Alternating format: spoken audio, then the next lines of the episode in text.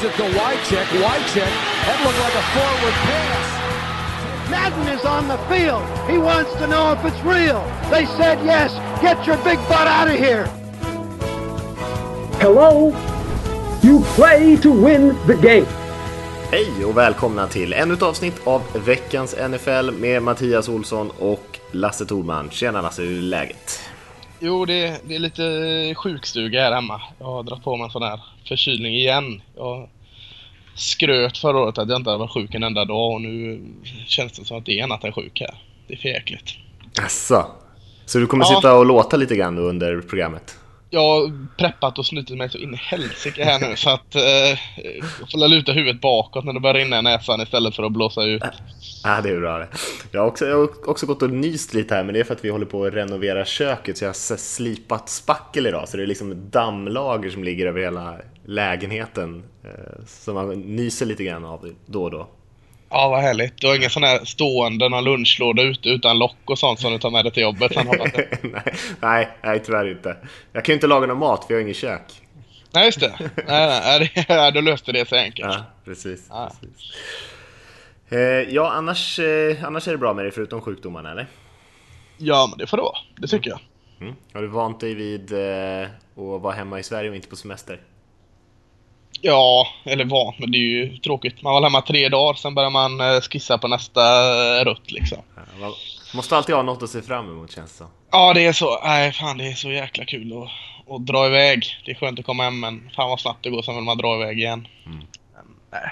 Nu är det en grå vardag. Nu är det, eller vad är det? Fram till april är det är döden att gå ut. Tur att vi har NFL och sånt att se fram emot. Ja, faktiskt. Faktiskt. Vi ska snacka, vi har en del nyheter idag faktiskt, eh, till skillnad från de tidigare veckorna här. Eh, och sen ska vi som vanligt snacka lite grann om alla matcher, eh, ha lite av den här debattgrejen. Vi ska försöka få in lite college-grejer, var det några på Twitter som efterfrågade också. Ja, det gillar jag som fan. Ja.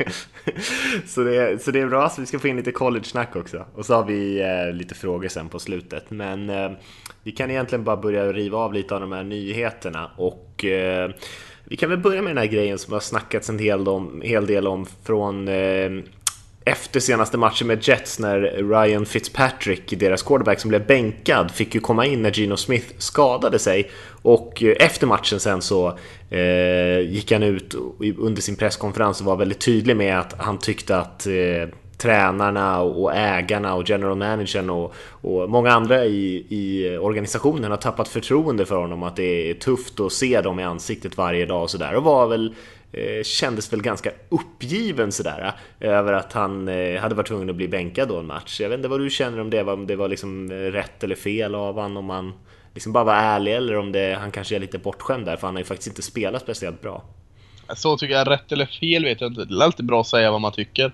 Men äh, jävlar vad känns bara grinig liksom. Han har ju varit äh, pissdålig liksom. Mm.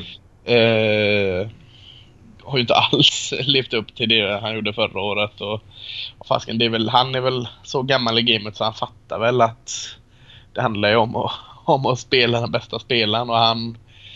Ja, nu fick vi knappt se Gino Smith här men... Ja, det är inte så jäkla konstigt att de vill testa Gino för så svårt att bli bättre än vad det är Fitzpatrick har gjort innan. Det krävs inte så mycket så... Nej, jag kändes bara lite... Alltså, ja, det som det var bortskämd där liksom att jag ska starta eh, or else liksom. Det, det kändes, kändes löjligt. En Jay Cutler i skägg kändes det lite som. Så här uppgiven och eh, inte glad och inte bra liksom. Nej, Nej, det Nej.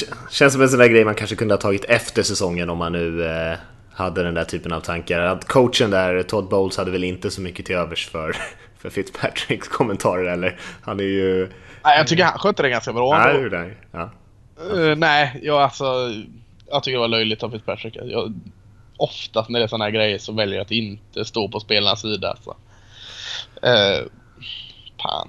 De har det ganska gott. Alltså. Får de Ja. sitta en, en match på bänken och gå första och gå ut och gnälla, vad fan. Eh, få era prioriteringar rätt för helsike. Ja, särskilt om man har fått sig själv bänkad så som Fitzpatrick ändå hade gjort det. Eh, som sagt, Gino Smith eh, skadade ju sig där och kommer ju troligtvis missa eh, resten av säsongen eller kommer missa resten av säsongen. Hans ACL gick av så eh, kanske vi, vi lär inte få se honom i Jets och, och eh, vi får väl se om han hittar något nytt jobb efter det här. Han har ju inte varit så bra när han väl har spelat. Nej, det... Ja, jag tror han faller i glömska. Han kommer säkert eh, vara en sån där lite som Michael Wicke nu som, som man pratar om när någon fall, när någon skadad så ja, kanske ta in honom. Så någon, någon sån där nödlösning kommer jag, tror jag kan vara i bästa fall liksom att han får hoppa in för att han ändå är en free agent och är tillgänglig liksom. Mm. Jag tror inte någon annan kommer satsa på honom, det jag väldigt svårt att tro. Jag håller med. Eh, running back, Arian Foster. Eh, tillkännagav här nu att han, eh, han lägger skorna på hyllan. Eh, han kom ju från ingenstans egentligen för några år sedan som en odraftad eh, free agent i NFL. Blev ju en stjärna väldigt tidigt. Eh, fick ju väldigt mycket jobb också, väldigt mycket carries. Eh, och var ju egentligen toppade statist de statistiska kolumnerna där i NFL under några år. Eh, vad var känslan när du hörde att han skulle lägga ner? Känns väl vettigt ändå. Eh, har ju varit svinbra hela tiden när han varit hel, men han är ju det för sällan. Mm. Eh, jag vet inte hur gammal han är nu. Är han över 30 eller? Strax över 30 tror jag. 31, ja. 32 kanske. Mm. Running har inte så mycket mer år i tanken. Och, nej, jag tycker det känns vettigt att han lägger ner eh, nu. Även eh, J.A.J. har verkligen visat att han är, kan vara framtiden i, i Dolphins dessutom. Så Nej, med den skadehistoriken så han kan nog se tillbaka på, eller han kan se tillbaka på sin karriär och vara ganska stolt över det. Eh, så nej, det känns vettigt. Tråkigt att han hade de här problemen hela tiden med skador. Ja, verkligen. För han var ju bra. Han var nästan aldrig dålig när han, gjorde, när han var hel. Nej, verkligen inte. Grym spelare. Alltså jag kommer ihåg när han kom in i ligan. Alltså vilken... Eh, han har ju haft en så väldigt speciell stil. Så jäkla mjuk stil här, man kan ju nästan beskriva honom som att han nästan svävar lite ovanför marken för han bara gled fram liksom. Lite som eh, Levion Bell kan se ut ibland i stiler, så här, tålamod och bara liksom väldigt mjuk i sina rörelser. Alltid väldigt eh, eh, kul att titta på tycker jag, Aaron Foster. Mm, ja, jag håller helt med. Eh, det är ju lite tidigare matcher den här veckan Lasse, eh, på grund av tidsskillnader och grejer. Så matcherna börjar redan klockan 18 den här veckan och vi kommer också ha den sista matchen i London, den tredje matchen i London nu den här helgen. Just det, vilka är det det är? Redskins Bengals är det va? Så är det, just det. Mm. Ja, det, jag, jag lär mig aldrig det där hur många veckor man får den här bonustimmen kontra vad USAs vinter och sommartid är. Nej, nej. Eh, så jag hade, jag hade sidan ännu om eh, inför Eagles och Cowboys och kunde inte räkna ut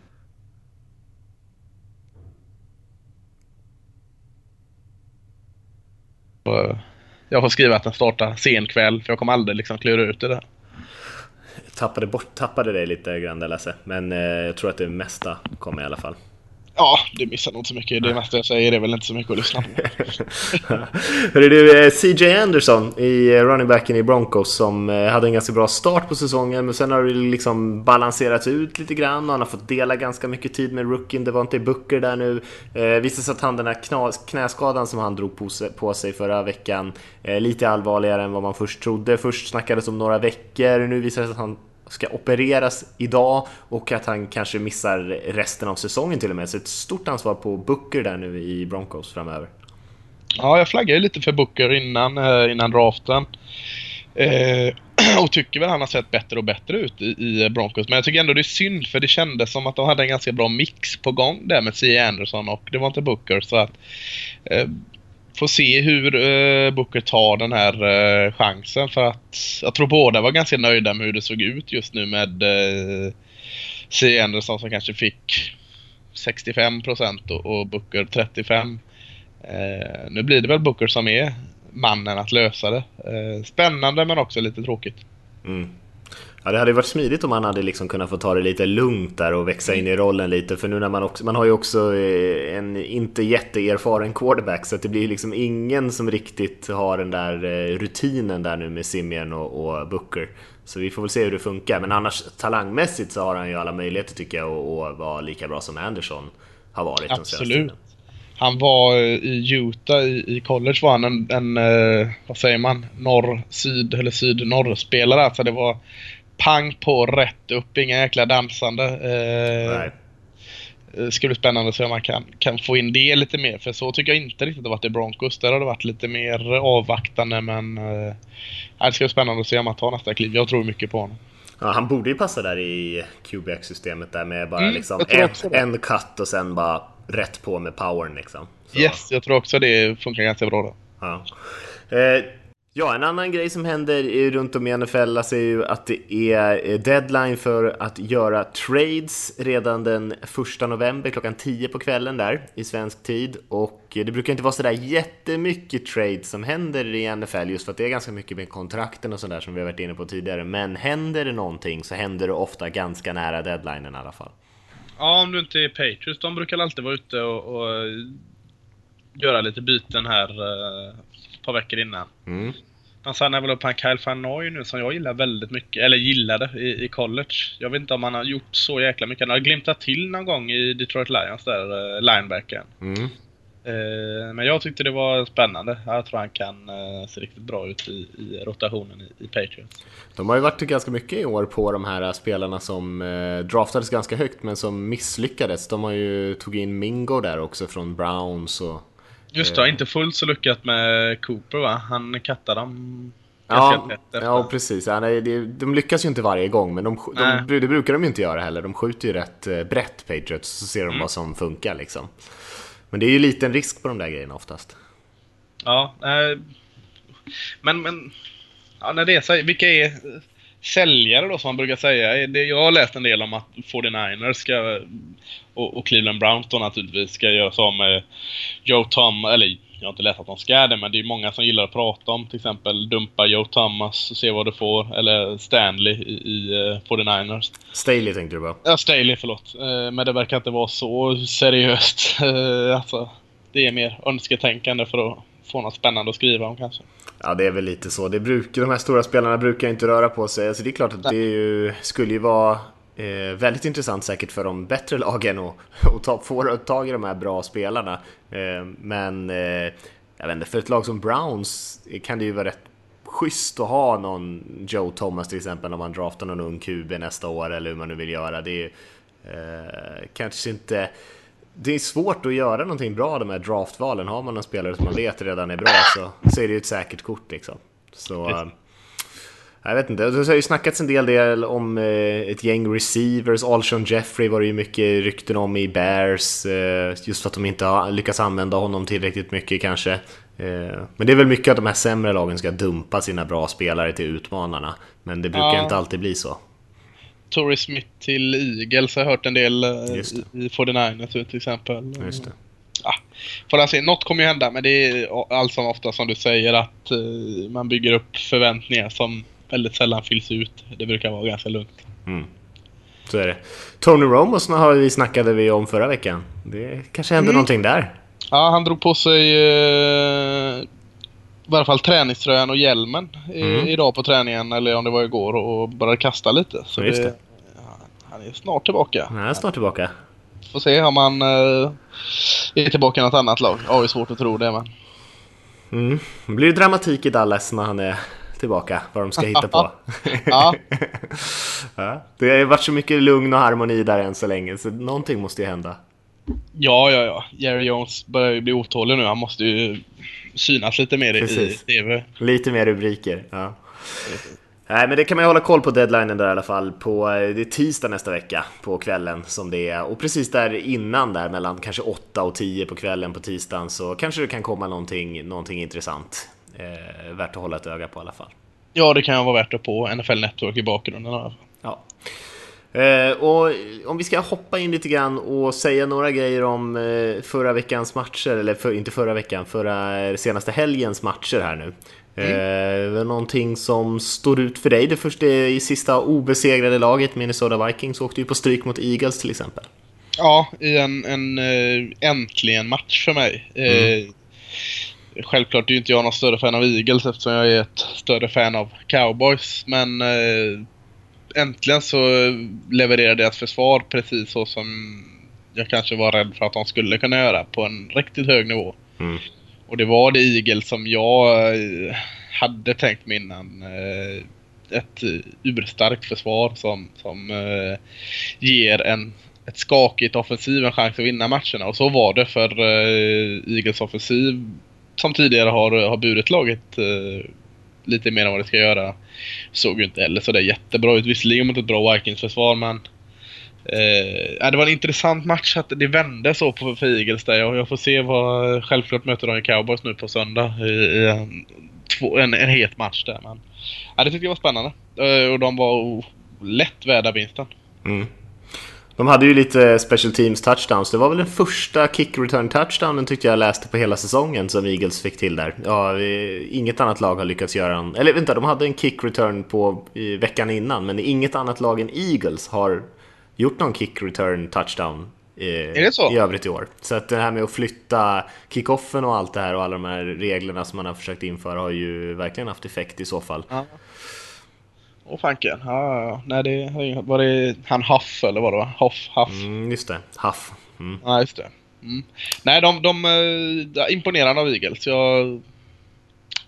NFC East är långt ifrån den fula ankungen längre som det ser ut just nu. Mm. Nej, jag håller med. Eh, också i, i öster, men i AFC så har vi ju Jay Ajayi som vi pratade om lite grann förra veckan. Alltså, då sa vi ju att eh, du och jag gillar ju honom väldigt mycket som sagt i draften och, och, då sa vi att det här kanske kan vara förra veckans match då. En liten så här kickstart för honom, få igång sin karriär lite grann här. Men vi hade nog inte riktigt tänkt att han skulle springa för 214 yards den här senaste helgen efter då sina 204 eh, veckan innan och bli bara den fjärde spelaren genom tiderna att springa för 200 yards i två raka matcher. Ja, det, det är grymt imponerande. Och det var inte så att han, han jag ska inte säga att han var ett misslyckande sin rookie-säsong, det, det, tycker jag inte. Han hade ju skador och annat, men det var inte så att han efter sitt första år var ett stort utropstecken för Dolphins. Det fanns ju en anledning att han gick in och tog Arian Foster. Eh, för att kanske kunna slussa in lite mer, men eh, jäklar vad han vaknade till i sin andra säsong. Mm. Bra offensiv linje också, det får man inte glömma. Alltså i alla fall ena sidan där med eh, vad heter den gamlingen på left tackle, Brennan Albert. Mm. Eh, och så Larry Tunsil såg ju för jäkla bra ut sist som mm. left guard och så en av Pouncey-brorsorna som center där. Mm. Eh, det är klart de hjälper jättemycket eh, Ajayi där att springa. De har ju dumpat lite av sina eh, guards innan i, i Dolphins i år. De har ju verkligen fått effekt. Billy Turner och, och gänget där som spelade. Mm. Eh, och eh, då tänkte man att de skulle kanske bli lite skakigare. Att de gjorde lite av principskäl för att de inte levererar, men eh, ja, det har verkligen fått effekt. Ja, absolut. Nej, det var kul. Kul, kul att det hände någonting i Dolphins. För det har varit lite stiltje tycker jag. Mm. På, på ett negativt sätt. Ja, visst. Visst. Något mer vad... Och, se tillbaka till. Har du något? Ja, alltså jag såg ju Seahawks Cardinals-matchen var ju ja, eh, minnesvärd var den i alla fall.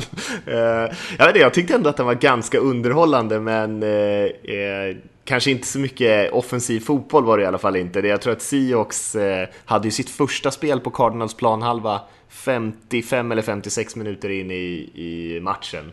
Och det var ju för att de blockade en pant, så de tog ju sig egentligen inte in på Cardinals planhalva en enda gång på hela ordinarie tid av, av, liksom, av sig själva. Eh, och matchen slutar ju 6-6 efter övertid, efter två korta field goals. Var, båda lagen missar varsitt kort field goal och liksom på, på ordinarie tid så slutar matchen 3-3. Så inga touchdowns på, på hela matchen. Så eh, kanske ingen publikmatch där, men det är ju inte så ofta man ser den där typen av matcher och, och just därför att det var någonting annorlunda så tyckte jag att det var ganska intressant, men ingenting man vill se var, varje vecka kanske. Nej, konstigt det Jag tyckte ändå Arizona hade bra driv i sitt offensivt ja. upptals. Alltså att de inte lyckas uh, få ut någonting mer än en jäkla field goal på ordinarie tid. Ja, jätte, jättekonstig match var det. Ja. Uh, tänkte ändå jag skulle se den. Det är en stor match liksom. Jag såg den dagen efter där och, och till slut så... Jag kommer inte ens ihåg. Jag tror jag spolade i, i det liksom. Fan, två quartrar, då, då, kan, jag, kan jag njuta av defensiv fotboll. Men sen får det fan hända någonting på offensiv. Det händer ju fan aldrig någonting. Nej, och så är det inte så kul när de slutar med ett kryss eller? Nej. nej. Men jäklar vilken pass rush de har fått eh, igång i Cardinals. De har ju tyvärr tappat några av de grejerna som de var bra på innan, men eh, Chandler Jones har ju varit en supervärvning för dem och Marcus Golden på andra sidan där har ju spelat eh, jättebra också. Så att försvaret är ju bättre än förra året skulle jag säga, men, men anfallsmässigt så eh, har man ju inte lyckats upprepa riktigt. Nej, det är konstigt. Jag, ja, jag blir fan inte klok på Cardinals alltså. Nej, de är konstiga. Ja, jag hade ju lite misstankar. Jag tippade inte dem så högt som de flesta andra. Jag trodde de skulle ha lite down-år, men jag trodde inte det skulle se så här konstigt ut. Det hade varit mm. betydligt mer logiskt om de var betydligt sämre. Men, men det är de inte heller. De är bara ineffektiva, eller vad man ska kalla det. Ja. Ja, skumt. Ja, och helt klart några tveksamma coachbeslut från Bruce Arians med den matchen tycker jag också. Eh, vi har hyllat honom så mycket tidigare så då får man ju kritisera honom lite grann när det inte riktigt går hans väg där. Men han eh, hade ju några några lite tveksamma beslut när man gick, på, gick på fjärde och man eh, spelade inte sista spelet där på övertid. Eh, vilket i och för sig hade varit helt okej när man hade det där korta field goal-läget, men att man springer på de första downsen och sen så bestämmer man sig för att man ska sparka. Eh, det var lite underligt, antingen tycker man att det är värt att spela eller så tycker man att det är värt att sparka. Så han gjorde lite mittemellan där, vilket var lite underligt tänk kan jag tycka. Ja, men det var många roliga, spännande matcher. Jag, jag såg eh, slutet där, andra halvlek av eh, Redskins Lions. Det var också en jättespännande mm. match. Och jag har varit inne på det lite här nu med Matthew Stafford. Det är, han är fan en vinnare alltså ändå, trots att han spelar i Lions. mm. eh, svårt att inte gilla honom när han har sådana dagar. En, alltså var en comeback-spelare finns en annan. Jag tänker alltid på Tony Romo, men det är för att jag är närmast sörjande där. Men Stafford är jävla eh, att lita på när det är den här tvåminutersoffensiven. Ja, och han är ju den där gunslinger-typen som Tony mm. Romo också är liksom. Och, och, när man måste ha en sån där gunslinger så är ju de här två minuters situationerna där försvaret ändå ger en lite space att göra grejer. Eh, om man vågar slunga ut den och han gör ju verkligen det. Stafford, han är ju lysande i de där situationerna. Jag tror att han är uppe i kanske bara någon, någon enstaka match ifrån att vara alltså flest comebacks någonsin på, på sån här kort tid i, i, som han har spelat i, i Lions. Han har spelat rätt många år, men på den tiden han har spelat. Eh, så att han gör ju det här ofta, och ofta på ganska spektakulära sätt också som den här eh, fake-spiken när han hoppade och sträckte bollen över mållinjen och grejer. Han har ju bjudit på många sådana där eh, sista, eh, sista minut, sista sekund eh, grejer som är rätt häftiga. Mm, nej, han förtjänar helt klart mer, eh, mer cred alltså. Ja, verkligen. Och under nya tränaren där, eller som tog över senast, Jim Bob Cooter, så har han ju varit jättebra. Så vi får, får vi se om det fortsätter. Säg det namnet igen, det är så jäkla white trash, jag älskar det. Jim Bob Cooter. Han, var han har en avklippt sån här flanellskjorta när han går hemma tror jag. Det är avklippta ärmar och så eh, går han bara och spottar tuggtobak. Eh, fantastiskt fint namn. Ja, just, ja, just, just. Uh, var det något mer där som man tänkte på? Det, det var rätt, uh, som du säger, rätt många bra matcher ändå. Chargers spöade Falcons i en jämn match. Uh, Chiefs Saints var också jämn. Uh, ja. Uh, ja, Colts Titans som du var inne på också. Mm. Ganska roligt slut där med... ja, Tia Hilton som jag hade glömt bort lite. Alltså, går upp i en jättefin match. Jag, jag lyckas alltid förtränga att han är där. För jag tänker alltid... Häromåret hade Colts sex grymma receivers och så kom jag på nu har de ingen här men mm. Tia Hilton eh, ser bra ut igen. Verkligen. Och där kan man ju nämna Adam Vinatieri, kicken där också som eh, slog rekordet för antal field goals i rad. Han satte sin 43 raka field goal och han är ju 43 bast gammal också. Eh, så det är ju rätt imponerande i den åldern. Ja, verkligen. Och han har ju avgjort två Super Bowl som jag inte minns fel va? Ja, det är ju därför alltså. Därför kanske han är så stor som han är av de här kickersen. Alltså, ja. alltså skillnaden på... Nu är det ju nu ser jag ner på de här kickersarna igen men för mig är ju... Jag, jag, tror ju att det handlar bara om självförtroende i en kickers. Alla har ungefär samma jäkla styrka i sina ben och är lika träffsäkra när man är inne i någon bra zon och mm. självförtroende så är de ungefär lika bra eller dåliga hela bunten. Men, men avgör man två Super Bowl, eh, ja, då förtjänar man att lyftas upp lite kanske. Ja, det är väl det klatschgrejen som gör att många tycker att han är en Hall of Famers. Där den ena var väl i snö också har jag för mig. Eh, så eh, han har ju presterat i, under de stora ögonblicken. Om man ska snacka kickers och punters så hade vi ju eh, Raiders-pantern där, Marquette King, som eh, jag tycker har seglat upp som den bästa pantern i NFL. Han hade ju också en eh, när han skulle fjärde och 21 eller något sånt där när han skulle panta och det blev något fel och han sprang och plockade upp den istället. Han är väl en av få eh, kickers eller punters i NFL som är på något sätt en riktig atlet ändå eh, och, och eh, ja, kan egentligen springa ifrån linebackers och sånt där. Ja, jag har ingen aning om Panthers. Jag brukar alltid göra små är soffan när jag kollar match när det är fjärde och pant. Så, så jag... eh, Ja, jag skiter i Panthers. Det är, det är sanningen. Nej, det är, sant. det är väl lite så kanske intressant i hela spelet, men de är ju jäkligt viktiga. Och, Ja, ja, eh, absolut. Det är bara att jag har... eh, Jag nonchalerar dem. Jag har ingen koll på dem. Nej, nej. Då, då kan jag säga då, för, för din vetskap, Market King i alla fall, kanske just nu den bästa panten i NFL. Ja, jag tänker inte gå in och kolla några jävla YouTube-klipp på Highlights. Nej, nej, nej, nej. Aldrig. nej, det, det är kanske inte så kul, det kan jag hålla med om. Eh, Ska vi lämna den veckan där, eller hade du något mer som du ville lägga till? nej, vi lämnar. Ja, vi lämnar den. Eh, jag tänkte att vi skulle köra lite grann av den här debattgrejen igen, Lasse, som vi har kört. Mm. Eh, hade en ganska dramatisk rubrik här på, på dagens ämne. Eh, och jag har skrivit det som Är årets NFL-säsong den sämsta på många år? Eh, och det kanske är lite att ta i, men, men det är ju många som tycker att kvaliteten på ligan eh, och spelet eh, är lägre i år än de tidigare åren. Och det tänkte jag vi skulle diskutera i alla fall, alltså, och se vad vi, vad vi kan komma fram till. Mm, men det låter bra. kör vi temperaturer här som vanligt. Och gissar du för högt så får du vara, eh, vara för att den är dålig. Och gissar du under så får du försvara säsongen. Okej? Och vi går på eh, torsdagsmatchen här. Eh, spelas i Nashville mellan Jacksonville Jaguars och Tennessee Titans. Eh, I Fahrenheit, ja det är torsdag kväll i, i Nashville. Eh, Countrymusiken flödar. Går man, vad, kan man klä sig fint? Jag, jag gissar att det är... Vad ska jag säga? Jag gissar på eh, 69 Fahrenheit. Ja, var inte så dåligt gissat ändå. Det är 75 Fahrenheit. Ganska skönt väder. Mm, ja, det var varmare än vad jag trodde faktiskt. Ja, Nej, men då eh, har jag redan glömt vad du skulle göra om det var under. Men eh, jag trodde du skulle försvara ligan att eh, den, eh, den är inte alls så dålig. Eh, Så då kan jag börja såga den då så kan du försvara. Ja, det är bäst. Det är bäst. Mm. Nej men vi, vi har inga, vi har ett bra lag i NFL just nu. eh, New England Patriots som är precis sådär irriterande, störande och retsamt bra som de alltid är. Eh, Och sen har vi eh, mitt Dallas Cowboys som är, som är tydligen bra. Och det säger lite, lite om, om ligan alltså. Men det är det försvaret de har. Att de kommer undan med det och startar med en rookie running back, en rookie quarterback. Och, och bara kör över motståndarna just nu. Du har uh, stora lag som svajar, alltså stora spelare. Aaron Rodgers och Green Bay Packers. Uh, Även att jag inte har några sympatier för, för de två så gör det ju ont i en att se dem när de spelar offensiv just nu.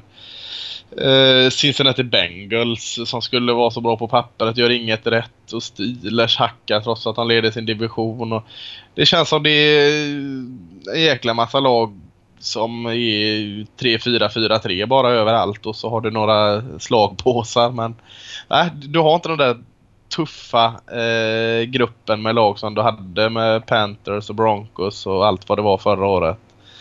Eh, lagmässigt tycker jag Nej, de har gått ner sig. Jag vet inte varför. Eh, vad detta kommer sig. Eh, helt enkelt. Spelare också sviktar alltså. Jag var inne på Aaron Rodgers. Vi kan ta... Eh, ja, vad fasiken som helst egentligen. Eh, de här chansningarna går inte hem med Brock Osweiler som varit inne på. Eh, Andrew Luck gör eh, inget utropstecken heller trots att han spelar bra ibland. Ja, det känns bara... Det känns som inte en mellansäsong utan en säsong vi snabbt vill glömma. Alltså det, det är chansen för något lag här nu att sno en Super Bowl om uh, man bara skulle kunna peta ner New England Patriots. Mm. Ja, jag ska inte säga emot det direkt, men däremot så, så tycker jag att det är just det här med att vi är, kanske inte har några självklara topplag, förutom kanske Patriots då. Eh, och att det, det är klart att det är, man vill gärna liksom ha tydliga svar när man sitter och kollar, man vet, vi vill veta vilka lag som är bra och det är lite frustrerande när man inte egentligen, när man känner att man inte har något svar på någonting. Men det är ändå det som är det bästa med NFL, att vi, att lagen, vilket lag som helst kan vinna över vilket annat lag som helst när som helst. Och det är verkligen en sån säsong i år att lag som eh, vinner stort ena veckan får jättespö andra veckan och, och, det är väldigt mycket som är oklart just nu om vilka lag som egentligen kommer vara med och utmana i år. Och jag, tror, jag tycker att det är en en, en spännande del av, av den här sporten och den här säsongen att, att det är så mycket som är, som är osäkra kort just nu. Det kommer bli tydligare ju längre säsongen lider tror jag. Det kommer segla fram några lag som kommer kunna vara med och utmana och spela bra fotboll. Eh, men just nu är det väldigt eh, ovisst och det, det är något, någonting positivt också tycker jag. Mm. Vi har ju bara det här att de här jäkla Atlanta Falcons var 4-1 ett tag talar ju sitt tydliga språk hur dålig ligan är just nu alltså.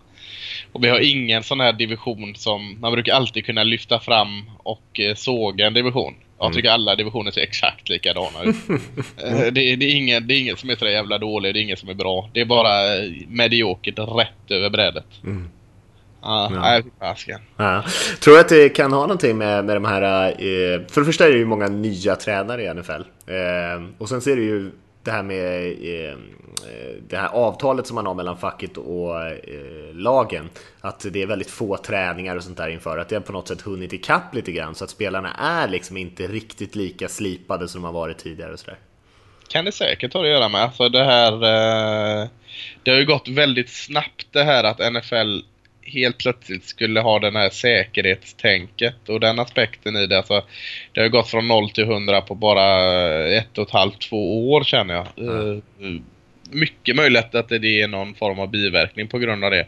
Känns ju vettigt att de gör det självklart men, men eh, kanske var tvungen att trycka på gaspedalen eller panikknappen här och, och eh, bara fixa någonting ut och inte kanske tänkt igenom det helt och nu får vi se får vi se kontentan av det. Att det är lite slarvigare och inte så eh, crisp spel som vi har sett innan. Mm.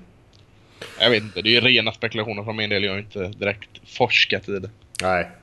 Men jag håller med dig egentligen oavsett om jag var på andra sidan debatten där. Det, det har varit slarvigt och eh, det är som sagt det är ganska mycket nya orutinerade tränare runt om i ligan. Det har varit lite skador på quarterbacks. Vi ser Jared Goff som draftades först som inte ens startar, så då får vi sitta och titta på Keenum istället. Några av de här som man trodde skulle liksom ta över tronen efter Manning och gänget här med Bordels och Mariota och Winston och så Bridgewater som blev skadad och det är väldigt få av dem som egentligen har tagit det där klivet. Det är ju bara Derek Carr egentligen som har spelat bra av de här unga quarterbacksen. Eh, och sen så har vi ju Dak Prescott såklart som, som ingen såg komma egentligen.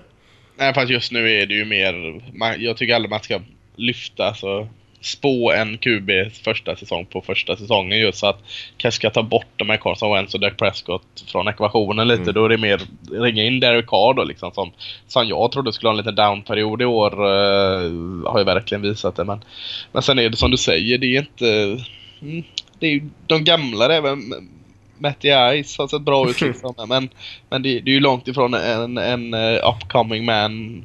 Och nej, det. Jag vet inte.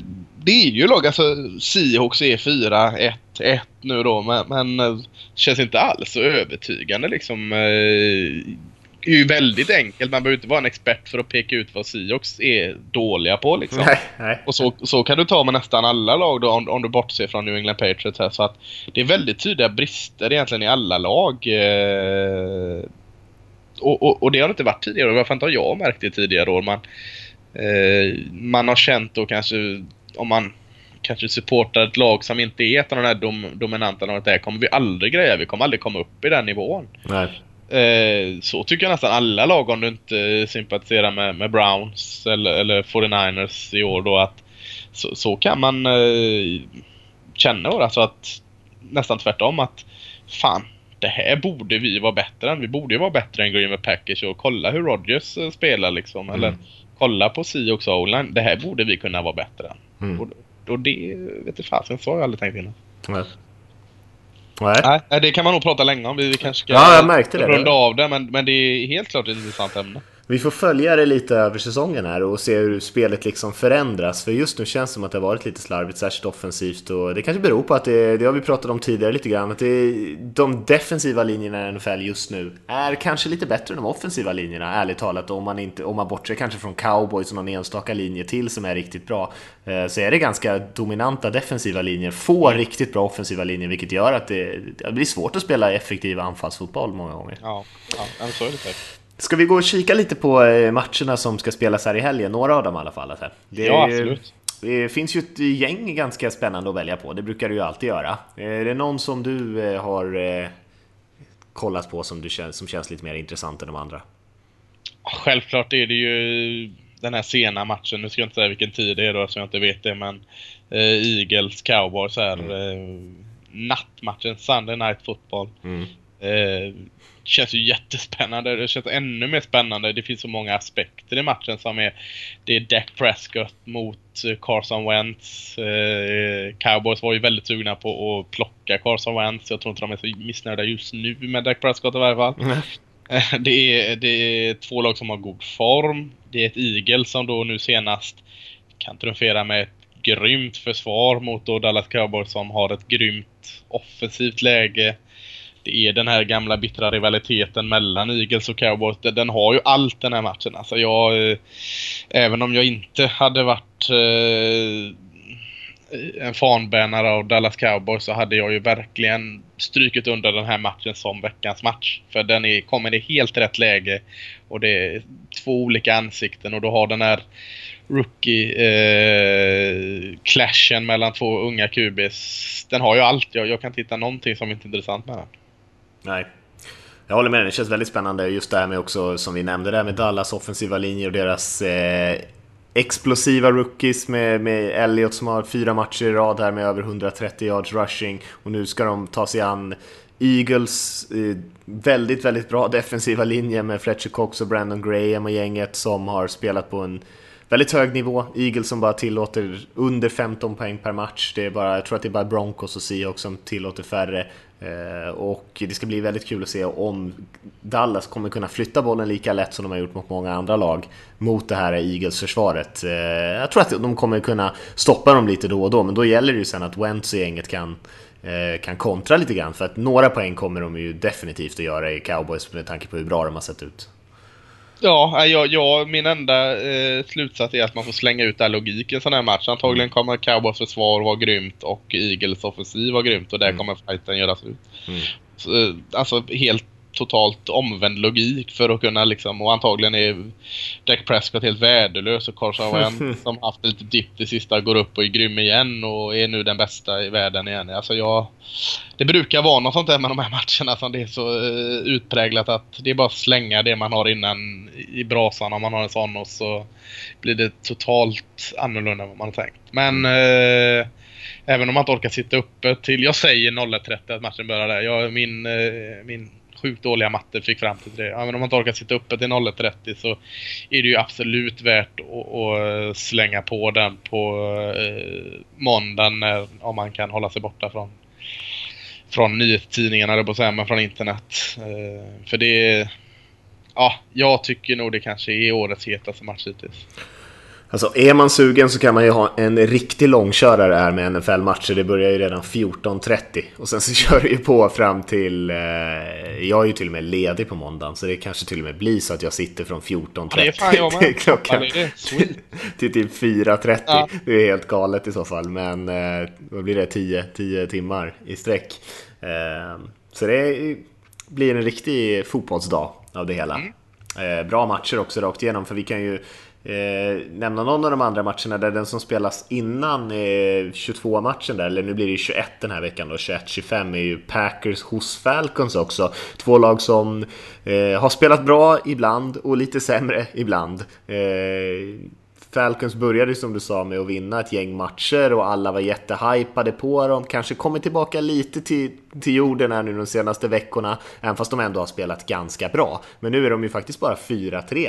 Eh, och har ju eh, egentligen förlorat lika många matcher som eh, Tampa Bay har gjort i den egna divisionen, som vi ser lite som ett flopplag i år. Mm. Ja, Falcons, jag får kan ju inte utgå från min tes som jag sa innan säsongen hela, hela året. Det hade blivit bra tjatigt. Så att jag får väl säga att det Atlanta Falcons är väldigt bra på just nu, det är offensiven. Eh, Matt Ryan och Julio Jones är ju en fantastisk kombination och så har de eh, de här eh, springbackarna som är bra, Freeman och Coleman, eh, som gör det grymt. Men, men försvaret är ju inte bra. Alltså, i, man hittar ett par spelare, Wick Beasley som vi pratade om, eh, har gjort det bra. Eh, Desmond Trufant, cornerbacken där, har gjort det bra. Keanu Neal, eh, safetyn från Florida tror jag, har varit jättebra. Eh, men, men det är de tre. Sen är det snällt sagt mediokert försvar. Och, och kollar vi läget i Green Bay här nu så är det... Man vann visserligen mot Chicago här senast. Det, det är inte en så maffig På Lambo också va? Ja, det är alltså inte... Det är ingen maffig fjäder i hatten att göra det. Jag tycker inte man är övertygad om det heller. Och jag tycker till och med deras försvar har sett lite tveksamt ut som, som då kanske man har hoppat på att steppa upp när, när eh, Aaron Rodgers har en liten dipp. Men nej, det här, de här två lagen just nu eh, får se om något av de här vinnarna av det här laget, om det inte slutar 6-6 i övertid, kanske får lite vind i seglen och hitta tillbaka till det man ändå hade presterat och i Green Bay säger ska prestera. Så nej, det är absolut en intressant match för att jag tycker det är två lag som är, är en liten dipp just nu. Ja, och eh, jag håller helt med dig om Packers-Bears-matchen. Jag såg reaktionerna på den lite grann efteråt och eh, undrade lite grann om om jag hade sett samma match som många av dem som vars reaktioner jag läste att eh, Packers liksom offensiva problem skulle på något sätt vara lösa efter den här Bears-matchen. Jag tyckte inte de såg bra ut mot Chicago alls offensivt. Eh, det lossnade lite grann där i, i, i vissa delar av matchen, men, eh, men långa stunder såg de precis så ineffektiva ut som de har gjort i år, resten av matcherna, mot ett, ett väldigt dåligt försvar. Så eh, de har mycket fortfarande att bevisa tycker jag, och nu möter de ett försvar som inte, som du säger, det är inte speciellt bra, och Falcons har tillåtit ganska mycket poäng i år, så att den här matchen har man ju en till chans egentligen att försöka få igång sitt spelare. Men det är ju lite problem där just för att Eddie Lacy spelar ju inte nu. Eh, man har fortfarande en väldigt bra passblockering så han har gott om tid där med Rogers där bak. Men eh, Jordi Nelson tycker inte jag har sett ut som sig själv sen, sen han kom tillbaka egentligen. Ser inte alls lika explosiv ut. Eh, så man har fortfarande saker att jobba med. Falcons kanske kommer ju troligtvis sakna Tevin Coleman, sin running back som har gjort ett så bra jobb i passningsspelet. Och då blir det ju kanske bara Freeman, som också är lite småskadad, ska man säga, det var inte Freeman. Eh, och då tappar man ju lite av den här dimensionen att kunna ställa upp med två running backs och eh, komma ut och passa bollen till sina, sina kvicka spelare. Och då hänger ju mer på Julio helt plötsligt. Så kanske lite övertag Packers just på grund av det. Hur ser det ut på Packers med dem? Där körde han eh, Montgomery som, som eh, running back ett tag där. Ja, det... Nu, nu tog, han, tog han in han Nile Davis. Hur är James Stark? Är han tillbaka hel eller? Jag tror att han har skadeproblem han också faktiskt. Ja. Uh... De har ju han rookien som någon har pratat om. Don Jackson. Jag tror han kom från mm. Nevada eller något sådant. Men det är också... Alltså det känns ju som en bedrövlig lösning att slänga in Ty Montgomery. De gjorde väl så med eh, Randall Cobb för ett år sedan också. Att de började köra han i backfield. Och... Ja. Fan, alltså det är ju lättläst om Aaron Rodgers ska passa bollen eh, nio gånger av tio liksom. Och så sen eh, springer någon för två yards. Nej. Nej, Packers anfallsspel var ju relativt lättläst redan från början. Det är inget, ja. sånt där, det är inget sånt jätteavancerat spelsystem direkt. Det är ju inte, det är inte Patriots anfall i kreativitet. Så att om man då också kanske inte ens har ett vettigt springspel så är ju det ett problem. Det, det håller jag med om. De har, däremot har ju försvaret sett ganska bra ut. Eh, särskilt eh, Nick Perry som vi har väntat ta på att han ska verkligen blomma ut har ju sett jättebra ut i år och är ju kanske deras bästa spelare på deras front seven där. Spelat betydligt bättre än Clay Matthews till exempel den här säsongen. Mm, verkligen. Eh, kanske ska lämna den matchen där Lasse. Det, jag, den är väldigt spännande, den är svårtippad ja, just ja, för att det saknas lite viktiga, eh, viktiga komponenter i båda lagen. Mm. Chargers eh, i Denver. San Diego Chargers, Denver Broncos, AFC West eh, här. Mm. Eh, det var inte så många veckor sedan som eh, San Diego eh, vände sin negativa trend och slog Denver och är nu 3-4. Ja. Eh, känns också som en rolig match. Alltså San Diego, det, det är vad du får där. De är grymma i passspelet med, med grymma Philip Rivers måste jag säga. Jag tycker alltid man ska säga det för att eh, han får lite för lite cred tycker jag. Så att man kan gott lägga till varje gång man pratar om honom att han är en förbannat bra QB. Mm. Eh, försvaret är lite... Fan, jag, jag, har svårt att liksom säga, veta vad jag själv ska tycka om mm. eh, San Diegos försvar. För att de har eh, bra, alltså Joey Bosa kommer in här och är redan eh, en vettig kandidat som eh, Defensive Rookie of the Year här med sitt spel. Eh, har verkligen börjat grymt och så har de bra linebacker. Delcy Perryman ser jättebra ut mm. igen. Och, eh, ja, Ingram har spelat bra. Ja, eh, men samtidigt så tycker jag de gör sådana bonehead plays. Alltså att försvaret emellanåt ser så jäkla dåligt ut. Mm. Eh, därav vet jag inte riktigt vad jag ska säga om deras försvar. Nej. Eh, tror inte det matchen står och hänger på deras försvar här. De kan nog kontrollera det med Broncos offensiv, särskilt nu med C. Anderson borta. Men, men eh, ja, Broncos måste nog komma på någonting mer i sin offensiv just nu. För Trevor Simeon som, som uh, fick lite hype här i början när han, när han petade Mark Sanchez. Uh, ska inte säga att han är, är bedrövlig på något sätt men han, han vinner ju inte matcher. Han kommer inte vinna matcher. Skulle Broncos försvar har en, en mänsklig dag så kan man inte stå och luta sig mot Trevor Simeon här. Eh, så de måste nog börja klicka lite med deras offensiv. Eh, men förhoppningsvis så, så eh, spelar denna Broncos sådär mäktigt försvar som de, som de gör allt som oftast. Men jag är lite orolig för deras offensiv. Ska bli roligt att se. Det var inte Booker som vi pratade om lite här. Vad han kan göra när han får med största sannolikhet mesta delen av eh, springspelet till sig. Ja, det lär han ju få. Och då jag skulle ju tro att de ger honom typ 25 carries eller någonting sånt där. Eh, jag tror att han kommer få jobba rejält här. Eh, den här veckan. Och eh, ja, de har ju haft eh, massor av skador som vanligt Chargers och, och det är ju en jäkla tur som du är inne på att deras rookie-klass med, med Bosa och även Hunter Henry som vi pratade om förra veckan, Jatavis Brown också, outside linebacken, pass rushen. Ja, varit bra. Har ju spelat jättebra. Så, och så de har ju på något sätt lyckats fylla en hel del hål, men som du säger så är det mycket nya spelare, mycket unga spelare, och då blir det ju också en hel del dumma misstag. Så då får man ju alltid jaga i matcherna, men de lyckas ju på något sätt vara med och utmana nästan nästan alla de möter. Eh, och alltså, de har väl en, fortfarande en, en hyfsad chans att till och med nå ett slutspel eller någonting om de, om de eh, lyckas vinna lite fler av de här tajta matcherna. Eh, så jag räknar inte på något sätt ur dem. Och den här matchen är ju extremt viktig i så fall om de, om de fortfarande vill hoppa det, hålla, eller hålla det hoppet levande på något sätt.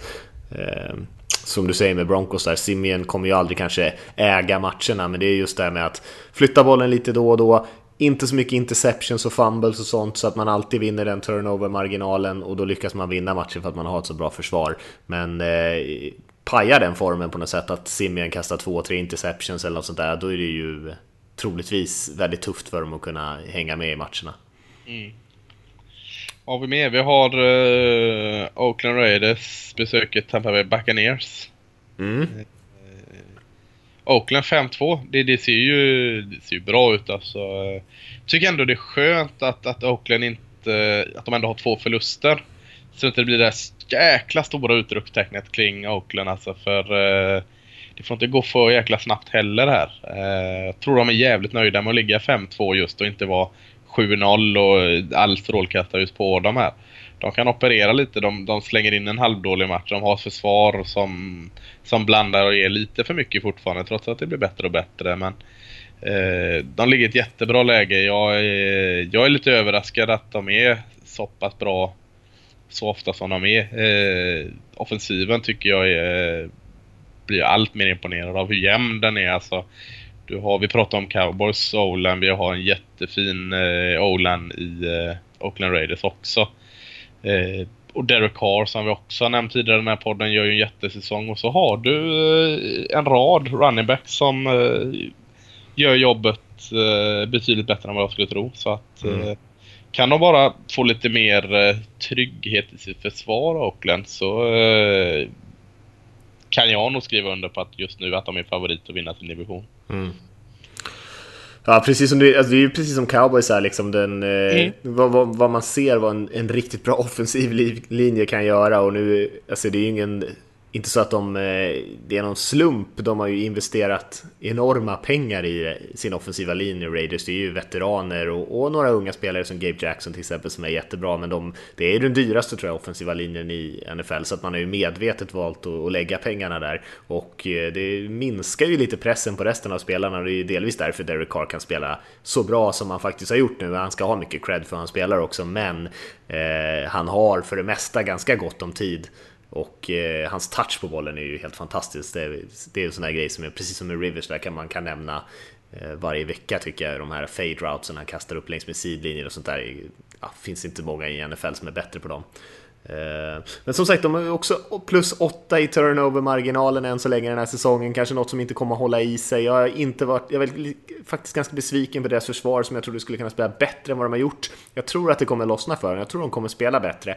Men och det måste de nog göra om de ska kunna nå slutspel och särskilt om de ska kunna utmana där. Nu snackas det till och med om att Aldon Smith eh, kanske kan komma tillbaka snart om Roger Goodell tycker att han är redo för det. Han har ju gått igenom det här rehab-programmet efter sina problem. Kanske kan ge dem en liten push, men någonstans måste de ändå tuffa till sig och, och kunna stoppa folk.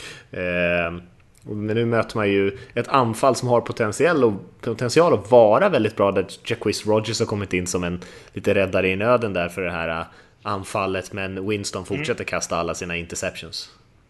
Ja, eh, ändå positiva Back Tampa eh, har jag lite för ofta har jag märkt. Eh, för de, de går ner sig på de mest konstiga sätten men, men eh, nu har de två raka bortavinster där visserligen mot eh, två lag som är ordentligt i gungning med 49ers och Panthers här, men eh, tycker som du säger att trots att man eh, inte har haft Doug Martin att tillgå här så har vi Jacquis Rogers har gjort det bra och eh, vad heter han nu som också är skadad? Det är Sims eller? Mm, precis. Har gjort det, gjort det fint. ja, jag, vet, jag vet det, det, om jag har svårt att sätta fingret på San Diegos försvar så har jag lite svårt att sätta fingret på hela Tampa Bay Buccaneers känner jag för att eh, det känns ändå som man, trots att eh, James Winston kastar lite många picks så känns det ändå som att han kan ju, han kan ju fan få, få lite eh, vind under vingarna och helt plötsligt vara eh, grym fem matcher i rad. Känns ändå som det, det inte är så långt bort och främmande. Eh, så, så jag har svårt att placera Tampa Bay. Försvaret är eh, har ju börjat komma igång lite ändå får man säga. För att det var ju inte bra i början av säsongen. Eh, ja, det var ju rättare sagt dåligt i början av säsongen. Men jag tycker ändå de har börjat glimta till lite, lite hopp om det här försvaret. Eh, de sista matcherna mot visserligen två lag i dålig form, men ändå. Sen ska det bli spännande att se. Nu är ju Winston Jackson borta säsongen ut va? Mm. Trots att han kanske inte har varit den playmaker som han en gång var så måste ju någon av de här Humphreys eller uh, Cecil Shorts och allt vad de har där steppa upp för annars blir det tufft för Mike Evans att få vända boll på sig. Det, eh, uh, Oaklands försvar är visserligen inte det bästa men så dåliga är de inte och med Emerson och sådana så, så får de nog lägga lite hopp att en ny andra receiver kan utvecklas. Han Russell Shepard är väl på väg lite tillbaka nu efter skada och såg väl bra ut innan sin skada. Mm. Men eh, ja, eh, jag, jag, jag har svårt att ge en rak analys på Tampa Bay Buccaneers utan att hoppa fram och tillbaka om dåliga och bra saker och, och på något sätt säga emot mig själv i slutändan för att ja, jag, jag, har, jag har svårt att, att placera dem. De är väl som James Winston själv där, lite ja, upp, upp, och ner som en berg och dalbana. Ja, precis. Ja. men så är det väl antagligen. Och, eh, det är lite intressant då, för att om de vinner den här matchen och vi var inne på Falcons en ganska tuff match mot Packers. Om, om de torskar mot Packers och Bucks vinner här, då ligger eh, Buccaneers plötsligt uppe i ledning i NFC South eh, tillsammans med Falcons då. Men eh, Eh, så så de är, ju inte, de är ju i allra högsta grad med. Och eh, James Winston avslutade ju förra säsongen med att spela mycket bättre på andra halvan. Eh, precis som man brukar göra i matcherna. Han börjar alltid matcherna med att kasta någon interception och sen så ser han värdelös ut en quarter och sen så liksom kommer han igång och sen så kastar han tre touchdowns och då kanske de vinner ändå. Så att eh, det finns ju alla möjligheter för Tampa Bay fortfarande att vara med och utmana i år. Ja, det tycker jag. Eh, är det någonting mer du tänker på där Lasse, på eh, de här matcherna som kommer här nu i helgen? vad har vi för matcher egentligen? Jag har faktiskt inte framför mig men... Eh... Vi har ju en Patriots Bills match, eh, men det är ju troligtvis utan LeSean McCoy där och hans hamstrings, så den gör den ju kanske lite mindre intressant, även fast Patriots har haft det ganska tufft uppe i Buffalo ibland. Ja, och det är ju Ryan mot, mot Patriots är alltid en spännande mm. ingrediens. Ja, vad har vi mer? Det det är väl alltså två lag i lite märklig form. Arizona åker till eh, Carolina och spelar. Det är spännande att se. Någon gång, man sitter ju ändå och tänker någon gång måste ju Carolina gå ur den här eh, alltså svackan de ändå är i för att visst man har blivit ett sämre lag utan Josh Norman men, men så mycket sämre kan man ju inte vara. Så man sitter egentligen bara och väntar på när de ska börja vinna lite matcher. Ja visst, offensivt borde man ju åtminstone kunna prestera hyfsat. Ja, eh, nej men det är en hel del eh, hel del spännande matcher såklart. Som, som det är Washington-Cincinnati där i London är också en bra match. Alltså, eh, hur, hur, eh, hur dåliga är Cincinnati och För Washington är också sån här kron eller klaverlag. Man vet aldrig riktigt vad man har dem heller. Är de dåliga i år eller är de bra i år eller är de 8-8? Så, äh, det finns en hel del kul.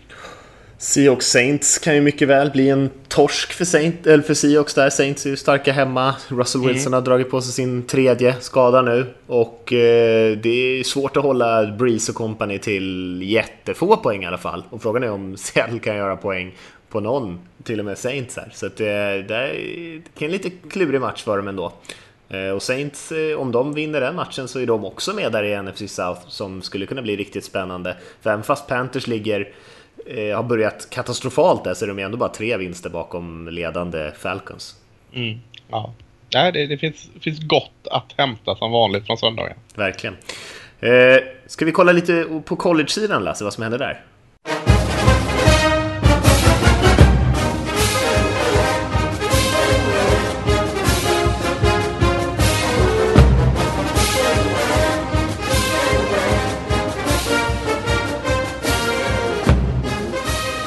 Ja, på tiden.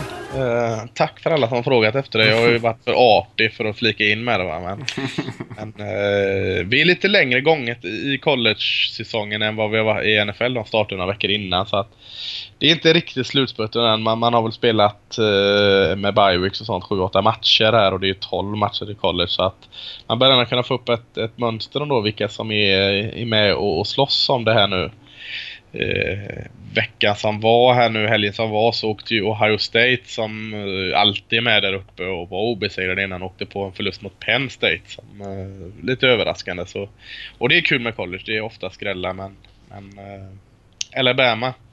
Om, om, New England Patriots på något sätt är, är dominerande i NFL så är Alabama läskiga. Alltså de är ju en mobbare i, i college. Alltså, eh, jag tror vi har lyft det för hundra år sedan i podcasten. Någon ställde en fråga om Alabama kunde gå in och ersätta ett lag i NFL som var riktigt dåligt. Självklart kan de inte det. Men, men äh, jäklar vad Alabama ser ut som ett NFL-lag i college just nu. Alltså stora, starka, elaka jävla smällar hela tiden. Det är som män mot pojkar här. Och så... Äh, så den stora frågan i college är om någon är en sån vettig chans att rubba Alabama just nu. För de är de rankas självklart nummer ett och, eh, just nu känns de väldigt ohotade. Eh, vi har, vi har om, om vi tar, det är fyra lag som går till slutspel. Just nu är det Alabama som etta. Eh, Michigan rankas tvåa med, med Harbaugh som tränare. Ser också jättebra ut, ett jättefint försvar. Du har Clemson som trea fortfarande. Har inte riktigt övertygat helt. Och så har du den li lite li lilla överraskningen Washington här. Eh, Washington Huskies eh, som fyra eh, spelar i Pac-12 som har sett riktigt jäkla bra ut och det är väl det laget jag tror skulle kunna utmana Alabama just nu. Eh, just för att de spelar en sån eh, fröjdig passoffensiv. Eh, och är det någon svaghet man kanske kan hitta på Alabama så är det om man passar bollarna över den här fruktade front, eh, alltså eh, front seven som Alabama har så så, så de fyra är det och det... Ska man summera så är det väl kanske... Eh, 8, 9, 10 lag här just nu som kan slåss om de här fyra platserna. Eh, mer är det inte. Det, vi, vi kommer till en spännande vecka nu med eh, en hel del Michigan, Michigan State. Det är en bra match. Michigan State har varit riktigt dålig i år, men det är ändå en sån derbymatch eller vad man ska kalla det. Eh, du har Clemson, Florida State ACC, en sån tokigt bra match. Och den, den eh, om, om Philadelphia Eagles Cowboys är en tokigt bra match i NFL så är den här det i, i college. Florida detta brukar också vara ett lag som alltid är där uppe. Eh, kan de sätta käppar i hjulen för Clemson? Sen har du en, ja, du har nog en 5, 6, 7, 8 match. Nu, nu kommer vi till det här att eh, varje vecka är det något lag som faller av den här eh, racet om att ta sig till slutspel. Och bara det tycker jag är en så jäkla härlig ingrediens att ja, nu är det bara åtta kvar. Nu är det bara sex kvar. Och nu är det bara fem. Oj, nu blir det sex igen. Det är just nu det börjar att den här goa känslan att fan, varenda match är så jäkla viktig. Eh, så bara lyfta fram ett par matcher det är synd att göra men ja, har man lite sug och, och inte kan vänta till söndagen för NFL kolla in lite college för det är sjukt roligt. Om inte annat är det roligt att bara se några framtiden NFL-stjärnor. Sätt på Alabama så har du 11 spelare det, som kommer uh, gå in och dominera snart. Ja, det har du nog uh, rätt i. I alla fall om man räknar alla som inte går ut samma år. Ja, nej men det... Ja, det... Ja, nu har jag följt college ganska hårt i... Säg tio år, jag vet inte fan. Men jag vet inte fan om jag har sett ett sånt elakt jäkla lag som är så, alltså det är så stor skillnad som Alabama i år. Mm. Så eh, de mötte ju Texas A&M i helgen. Ett jättebra lag, var obesegrade. De, fan, de blev överkörda alltså. Det var, det var, man tyckte synd om dem. Man tyckte synd om spelarna som behövde gå ut och ta de här smällarna. Mm. Eh, och det, ja, det, det, var, det var nästan fusk kändes det som. Mm. Jag läste någonstans att det är ganska ont om, i alla fall just nu så här långt in på college-säsongen, ont om självklara QB-prospects inför eh, nästa års draft där. Vad, vad är din känsla kring det Lasse? Ja, eh, innan säsongen så var det, var det ganska hypat med, med att jag trodde lite att det skulle bli en bra QB-klass. Mm. Deshaun Watson i, Clemson och du hade Brad Kaya i uh, Miami, Deshaun Kaiser i New Orleans och ja, ett gäng andra liksom som kändes bra. Men ingen av dem har riktigt tagit nästa kliv. Eh, så nej, det är en... Nu såg jag någon hade rankat Dishon Watson som var eh, stort jäkla utropstecken. Alla hade han nummer ett i 2017 draft eh, efter förra året som hade rankat han, ja vi kan tänka att ta han i tredje rundan. Så nej, nej eh, säsongen är inte slut än. Det är de här eh, drafttavlorna som alla experter sätter upp. dem. det finns en anledning att det är kabelband bakom på de här banden. Det byts väldigt friskt plattor där. Så det räcker att till exempel att en QB avslutar här nu med 5-6 matcher eh, fantastiskt. Så är han ju där uppe igen pratar man om om nummer ett. Men eh, Nej, de, de har dippat lite. Jag skulle nog säga att det är en, en eh, svag draft vi kommer ställas inför nästa säsong. Som det känns nu. Mycket kan ändras men eh, det finns en del spännande running backs. Leonard Fournette eh, gjorde en sinnessjukt mäktig match eh, sist LSU running backen där när han också bara plöjde igenom ett helt lag. Han behövde inte göra några moves, han bara sprang rätt över folk. Eh. Mm har varit lite skadad och annat men han ser ut att vara tillbaka och du har ett gäng andra running backs. Så att du kan nog hitta en hel del running backs i nästa draft men eh, annars så kan vi nog ha ett litet downår där tror jag. Mm. Vi får se hur det utvecklar sig. Det kan alltid mm. komma någon som kommer från ingenstans där eh, och dyker upp. Eh, som sagt, vi ska ta lite frågor här nu innan vi rundar av. Vi har faktiskt två frågor om Saints idag, vilket var lite oväntat. Men om man vill skicka in egna frågor så är det podcast at nflsupporter.se. Jag försökte skriva att man Eh, om man vill kan man ju faktiskt spela in en liten ljudfil på sin telefon eller någonting och liksom prata in sin fråga och mejla in den till oss så kan vi spela upp den i podden. Det var ingen som nappade på det första veckan men om man känner sig sugen på det så kan man ju faktiskt göra det. Eh, Telefonsluss ja. skulle vi ha vet du. Det ja, hade varit jävligt mäktigt. Faktiskt, jag kollade om det fanns någon sån här tjänst där man eh, kunde liksom spela in det på nätet så och skicka det direkt men jag, men jag hittade inget. Det kanske är någon som har ett sånt tips men annars funkar det ganska bra med telefonen. Eller bara mejla. Men eh, vi börjar med att ta en fråga från Emanuel här Lasse. Mm. Eh, som skriver Hej, vill tacka för en mycket bra och underhållande podd. Jag undrar om ni har några tankar och idéer gällande Saints försvar. Vad ska de göra? Offensiven levererar poäng, defensiven är under all kritik. Ligger det på coach eller spelarna? skriver Emanuel. Ja, eh, jag förstår. Eller jag tycker det är en bra fråga för att... Eh, jag fattar inte riktigt heller. Nu är det väl första året Dennis ni är defensiv koordinator eller är det, an, det andra året kanske eller? Eh, ja, eh, precis. Eh, ja, eh, jag tycker det ligger en hel del på coacherna. Självklart ska spelarna också ha eh, ris, helt klart. Men för, de har ingen riktigt tydlig eh, försvarsidé tycker jag. Alltså, det är lätt att säga att man spelar en 4-3 med eh, si och så, men det känns virrigt där ute. För de har ju, alltså, Nick Fairley är ju i grund och botten en bra defensive tackle. Cameron Jordan är en bra pass rusher. Du har eh, Lauren Ides som de fick från Rams och, och Steven Anthony gjorde en bra. Du har bra backfield med eh, Jerry's Bird eh, Vaccaro. Alltså du, har, alltså du kan plocka eh, spelare på lite olika positioner som ändå är bra spelare. Men, men de får inte ihop det. Eh, du var inne på det också någonting att de har ju ingen bredd alltså, det stämmer. De är väldigt tunna.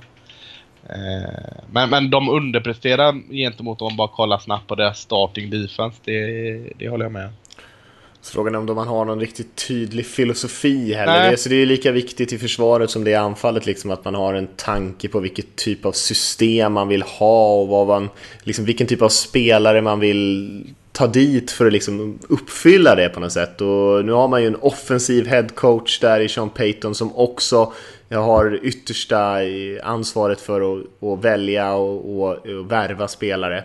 Och eh, han kanske har bättre koll på offensiva fotbollen och de defensiva koordinatorerna byts ut hela tiden. Eh, så man hittar inte riktigt någon kontinuitet där i försvaret. Nej. Som man har i anfallet där liksom man haft samma spelsystem hur länge som helst, samma quarterback. Och det spelar ingen roll vilka andra spelare man sätter in och ut egentligen, vilket vi kommer till i nästa fråga här. Utan man är fortfarande väldigt effektiva. Och i försvaret är det ju totalt tvärtom. Eh, ja. Vilket är kanske lite nackdelen när man har en coach som går in och, och sköter den här general manager-rollen. Om den coachen inte är så pass liksom balanserad kanske i sina, sitt intresse och sina kunskaper att man kan fixa det ändå. Eh, mm. Men vi såg ju det med Chip Kelly till exempel, det var ju ingen höjdare när han gjorde det. Andy Reid är ju en annan kille som sköter det. Eh, Belichick såklart, men han har ju eh, verkligen eh, tydliga filosofier både offensivt, defensivt, special teams-mässigt och allting. Man får inte riktigt den känslan i Saints där, att, att man har samma fokus på sitt försvar som många andra. Nej, nej men det, så är det helt klart. Vi fortsätter Lasse. Mm. vi tar en fråga från Wilmer som skriver Tjena och tack för en grym podd. Har en fråga angående wide receiver Michael Thomas som leder receiving-ligan för rookies än så länge. Minns det som att Lasse var ganska skeptisk till honom innan draften. Hur bra var han i college och hur mycket hjälper det att han har Drew Brees som quarterback? Tack på förhand, för han spelar ju då alltså i Saints och draftades i år. Yes, från Ohio State. Eh, nej men det är lite... Alltså han kom från en bra situation till en annan. Alltså i... Eh, I Ohio State var det, de var så packade med talang förra året som han kom undan med ganska mycket det Michael Thomas eh, fick ganska mycket gratis. Jag var väl inte så hög på honom. Jag såg ju potentialen i honom absolut men, men eh, tyckte inte riktigt att han levde upp i den i college. Han, han hade sina stora fina catch absolut men han försvann väldigt ofta och han, han var inte att lita på att bära upp laget på något sätt utan och, och jag är väl inte helt såld på hans säsong hittills. Självklart har han gjort det bra, han leder statistiken men, men han kommer in i, ett, i en fantastisk situation med eh, Drew Brees som, som passar ut eh, de här eh, bollarna och gör det väldigt tacksamt för receivers. Han kommer in och får mycket speltid direkt. Han får ställa upp på andra sidan Brandon Cook så har alla chanser egentligen. Och, eh, det krävs nästan mer att misslyckas i den situationen han är än att lyckas. Mm. Jag håller med dig. Alltså, rent statistiskt så, där så är det klart att det är en jättefördel att vara i ett anfall som kastar bollen mycket, väldigt mycket och dessutom har en quarterback som är hur bra som helst egentligen på se planen, se öppna receivers. Eh, jag tyckte ju om Michael Thomas väldigt mycket eh, i draften. Jag hade honom som fjärde tror jag, före Will Fuller och Corey Coleman och, några av de här toppnamnen. Eh, just för att jag tyckte att han var en väldigt bra route runner. Plus att han hade den här kanske tuffheten som du var inne på där att göra de här highlight-mottagningarna. Och i det här Saints-systemet där man har Brandon Cooks med den där speeden som skapar liksom lite yta för Thomas att jobba. Så tror jag att han, han passar väldigt bra där. Och sen så är såklart, eh, som eh, både du och, och Wilmer är inne på här, eh, det är ju en jättefördel om man ska vinna sådana här fina priser. Att man spelar med Drew Brees istället för, ja, vad det nu kan vara för andra typer av spelare som Brock Osweiler eller något sånt där liknande. Mm, absolut. Tack för frågorna. Podcast mm. at nflsupporter.se alltså. Eh, men annars eh, tar vi väl egentligen och rundar av för den här veckan. Eh, och så skicka gärna in era egna frågor. Vi ska försöka hitta på någon tävling och sådär till, till nästa vecka. Vi kommer väl också göra lite sådär halvårsrapporter och sånt på hemsidorna. Sitta och kika lite grann på lite All-star-lag och sådana där grejer. Så det kommer nog komma upp ganska mycket roliga grejer. Annars får ni bara hänga med oss på Facebook och Twitter och sådär och vara med och diskutera diskutera lite grann. Eh, men annars säger vi så, va Lasse? Ja, det tycker jag. Då gör vi det. Så eh, ha en bra helg allihopa, njut av matcherna så eh, hörs vi nästa vecka.